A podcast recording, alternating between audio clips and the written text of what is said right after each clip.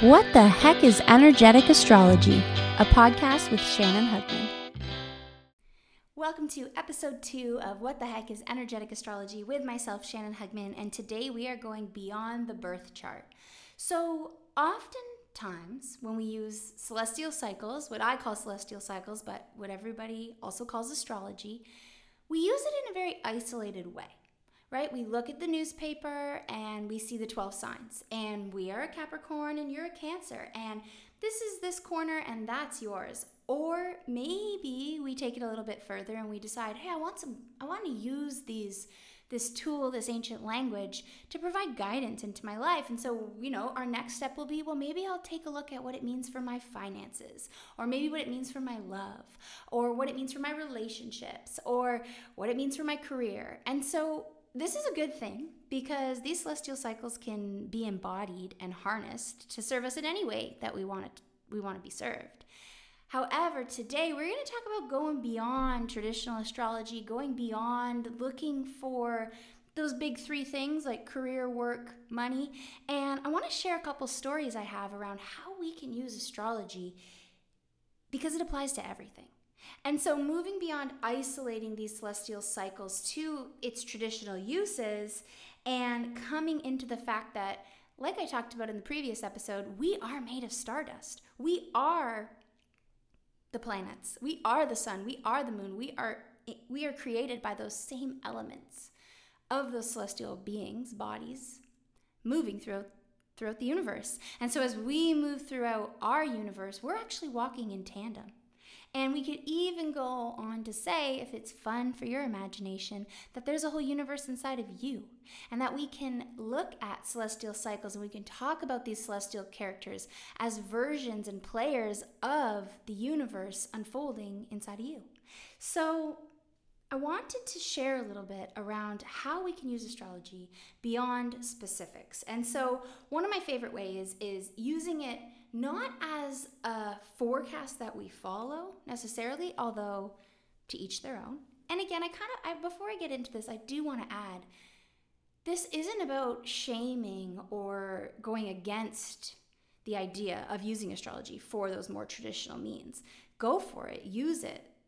That's great. I write horoscopes. I, you know, talk to people about love and finances and money and career in my one on one sessions all the time. I love it. It's not about blaming it or judging those traditional uses.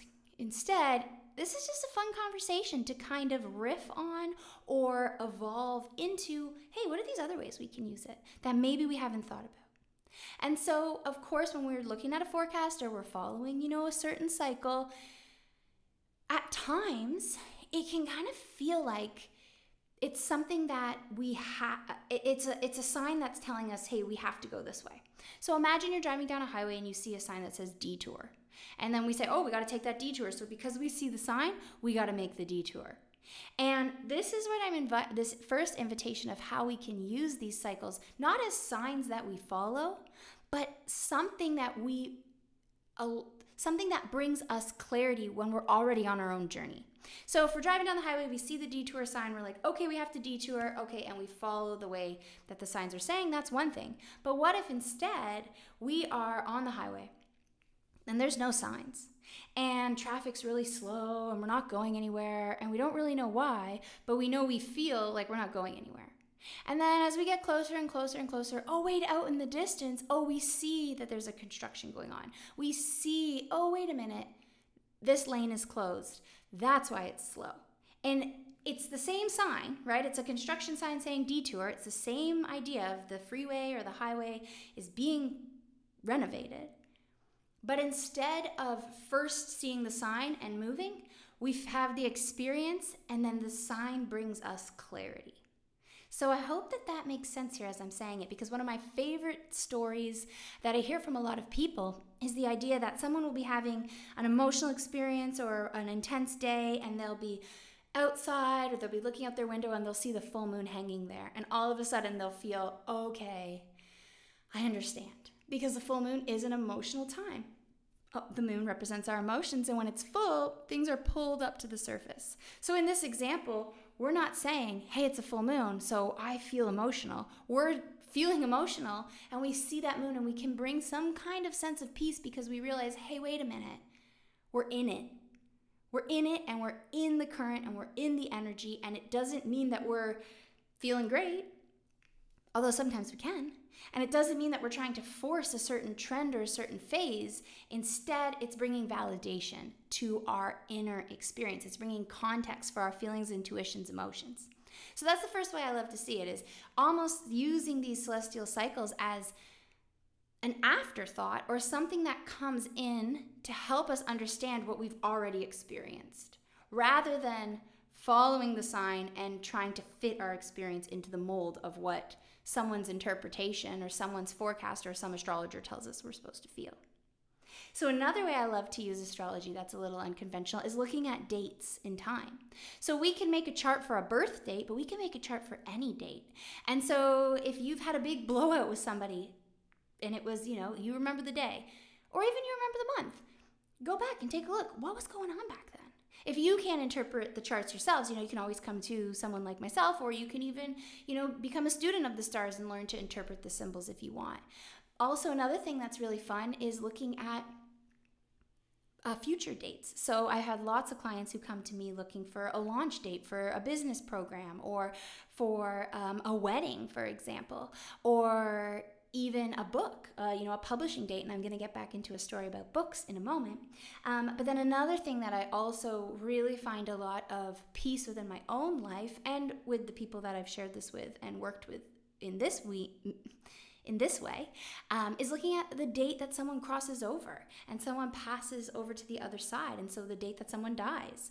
The birth date is amazing, but the death date also holds a lot of wisdom and clarity. And in fact, in my life, the moment a, a really significant person in my life died, astrology or just being aware of where the cycles were in my chart helped me to gain context to what was going on.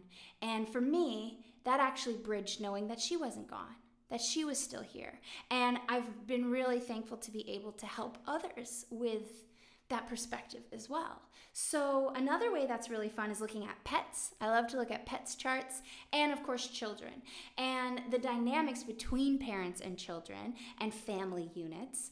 Um, is like worth its weight in gold. I wish dearly one of my parents would have wanted to look at my chart and understand me through that lens and then understand how to parent me because I have some rock star parents who consistently check in with me in my one to one sessions and are just raising such rock star children, not only because we're all stars, right? We're all stardust inside ourselves, but they're willing to evolve their perspectives of their child and how they can serve their child and how they can really be a tight family unit, a constellation of stars shining together.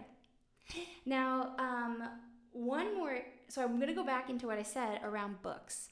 So recently, I had an awesome uh, power hour with an amazing PR company called Indigo Soul PR, and I was coming to her. Sarah Lloyd, talking about a book that I've written. And so I have a book that I've written, and it is a story of a young girl who learns the connection between the moon and the menstrual cycle. And it's like, a, Are you there, God? It's me, Margaret but for new you know the new new world new paradigm. Um, and this book was actually born because i was teaching girls yoga and i was ghostwriting a book for an organization about the moon and the menstrual cycle. So the book i ghost wrote about the moon and the menstrual cycle was for audience uh, excuse me for an adult audience. But at the same time i was teaching girls yoga and i felt like there is a, a, a bridge that i want to create here somebody, I was having this conversation with somebody, and someone gave me that book, Are You There, God? It's Me, Margaret, and said, You should read it, and you can get, you know, a little idea around maybe what you feel you're creating. And I read the book, and I felt like, okay, there's a lot of room to grow and there's a lot of conversations that we can evolve and we can have especially when we bring the wisdom of the moon into the story so in future podcasts i'm going to create an episode where we get into these themes of the moon the menstrual cycle but for here i came to my one of my you know rockstar PR members, uh, or one of my rockstar PR team members, who's on my little team of movers and shakers, and I was sharing about, you know, I'm writing query letters and I'm pitching to publishers, and I really want to have this book traditionally published so it can reach a large audience because it feels significant. It feels big. It feels like something I feel in my bones. But like many writers can probably relate, um, that's a pretty you know, draining process pitching a book. And for many months, I have been in a place where I haven't been having, you know, uh, how do I want to say this? I don't want to say I haven't been having success because I think to each their own, and success is not a straight line. But I haven't been having anybody pick up the idea or pick up the book. And so her first th- her first question to me was, "But have you looked at the book's chart? Have you made a chart for the book? Have you taken, you know, this perspective that you have of looking at the stars and applied it to your own project?" Because, like I said, I work with many people in their own businesses on their projects and the dates of their launching and the dates of their ideas and their business and even launching businesses themselves, but I hadn't looked at my own project. So, of course, I did that, and, and it became infinitely clear to me that not only is this something that is valid and there's a reason I feel the depth the depths of this project and it was because my book the birth date of my book shares my exact moon sign as me. So i was born with the moon at 21 degrees scorpio and when i do the chart for my book my book's moon is at 21 degrees scorpio. So to put it into a little bit perspective there's 360 degrees um, in a chart so it's it's a pretty pretty cool odds that that landed again, beyond that, I saw that not only is this book necessarily aligned with this idea of this of this trailblazing or revolutionizing something like the menstrual cycle, also it had Mars in Aries, which that's the warrior. But it was also at the beginning of Aries, so that's that's the pioneer. So anytime we see that kind of alignment, it doesn't mean that things are going to happen quick. It means we have to have patience, but it also means we have to keep pushing forward and that we're also pioneering and carving out a new path. Also, when I took a look at the chart, the Sun and Mercury were together. And Mercury is the planet of communication. When the Sun aligns with Mercury, that's about having a message, a message that wants to be said, wants to be spoken, wants to be heard. And then finally, I looked at where Jupiter was, and it was aligned perfectly with an energy in my area of my life's purpose and my work. So, like I said in previous episodes, we don't have to get super specific using these tools, but at times, kind of focusing the microscope with ourselves if we like to read charts, or with someone like myself if you want to come to me and I can help you, I'll translate it for you. We can see that the things that we know deep down, like me, I know deep down this book is going to come into the world, and I know there's a time for it, and I know there's a space for it, and I know there's an importance for it. But as I'm here right now in the trenches, looking around and you know writing queries and pitching things, um, I haven't seen it yet. But as soon as Sarah Lloyd from Indigo Soul PR reminded me to look at my own book's chart, with to use my own gift and apply it to this this experience that I was struggling with, everything became clear and I was able to trust that inherent feeling I have within myself that this is a book for the world. So in your life, maybe astrology isn't the language you necessarily use, but this is about expanding this idea of astrology beyond just traditional astrology.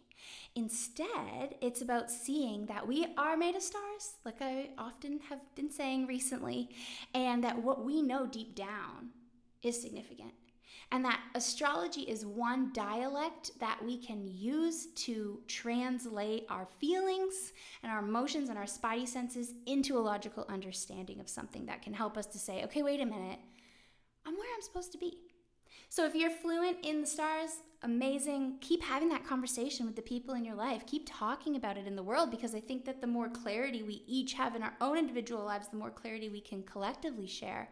But if you're also, you know, not somebody who wants to even understand any of the charts, but want to receive insights on a project you're working on, a child that you have. Also, another thing too is I've often worked with um, people who want to conceive children as well, and that has been something that I never sought sought out to do. However, it's been so incredibly rewarding um, to have my little group of moms who had the babies that they've always wanted to have. I didn't do it, they did it, but they knew they always wanted to have the babies and they were able to receive that logical understanding of their innate intuitions through the language of the stars.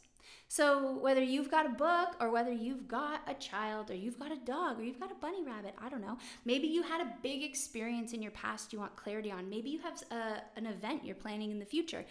Don't forget that the celestial cycles, astrology, the planets, and the zodiac and its movements and motions can support you in all of that.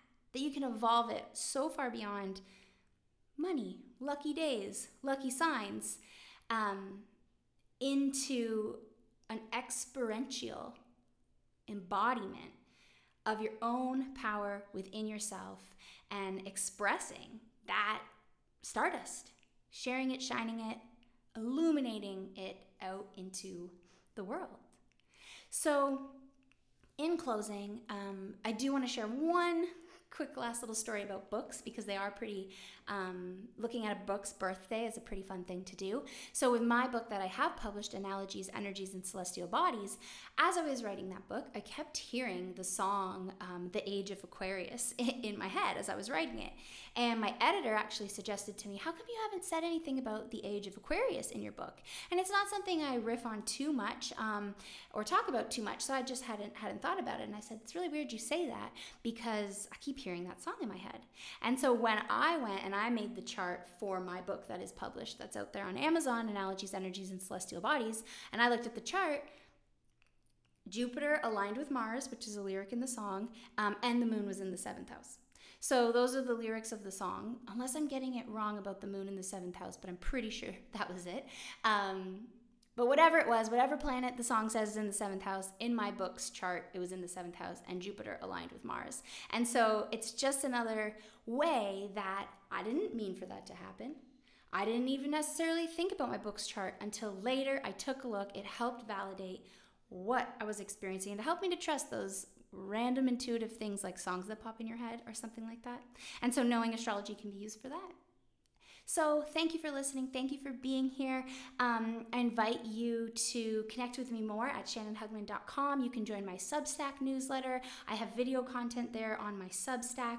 And you're also welcome to book a one on one session with me where, again, remember, we can look at the basics. We can take a look at love. We can take a look at money. We can take a look at relationships. But we can also take it far out and dive into any and any and every area that you're exploring in your experience. Thanks, everyone.